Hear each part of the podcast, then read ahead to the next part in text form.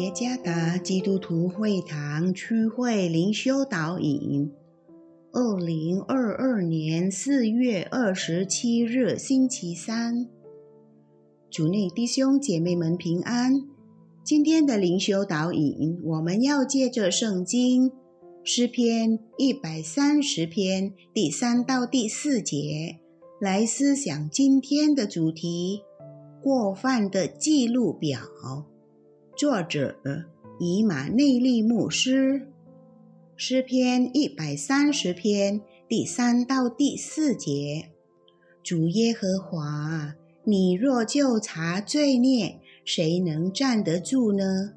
但在你有赦免之恩，要叫人敬畏你。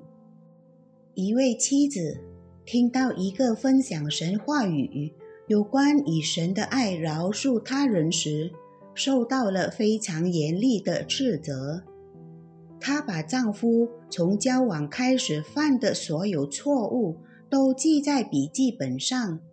她丈夫无论多么微小的错误，全都被记录下来，并保存在那笔记本中。她认为。这样做的原因是饶恕和解决他人的错误，尤其是她丈夫的错误，是一种不公平的作为。然而，在明白了神的话之后，所有的记录都被他以神完全赦免的角度改写了，所有的故事都改变了。我们可能仍然将神的饶恕视为如这位妻子的旧记录。我们不相信他对我们的完全饶恕。我们认为神对他已赦免的罪的记忆将永远被记录下来，并且因他的无所不知，使他永远不会解决掉。我们忘了。我们所有的罪都已被赎回，并在十字架上解决了。在今天的经文中，诗人从深处向神求告：由于过去所做的各种事情，他意识到了自己所有的软弱和过犯。主耶和华，你若就查罪孽，谁能站得住呢？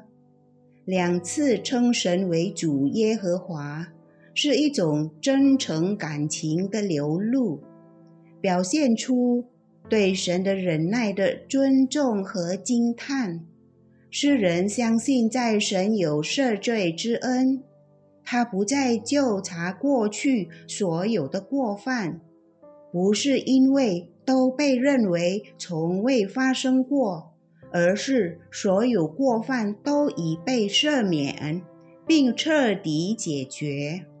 罗马书第八章第一节中，神的话：“如今那些在基督耶稣里的，就不定罪了。”神的饶恕使我们心存感恩，且意识到要永远敬畏他。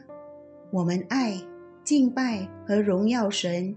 因为他对我们的莫大恩典和饶恕，但是如果我们仍然陷入旧罪中，怎么办？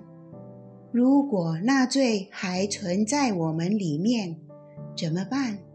我们必须诚恳的悔改，并再次好好的认识神，祈求圣灵的帮助。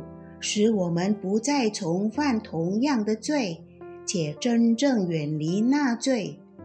当我们诚恳地祈求他赦免我们的一切过犯时，我们必须相信神已经赦免了我们。我们也必须行走在神的带领下，并遵行他的旨意。我们必须晓得。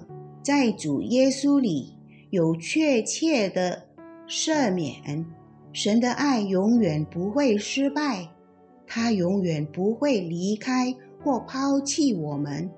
神完全救赎的应许已经实现。他救赎了我们，脱离一切的过犯，将我们带进他毫无瑕疵且充满喜乐的荣耀里。我们已经被饶恕，并从所有的过犯中释放出来。当我们被上帝饶恕时，他将我们从所有的过犯中释放出来，并引导我们行走在他的真理中。主耶稣赐福。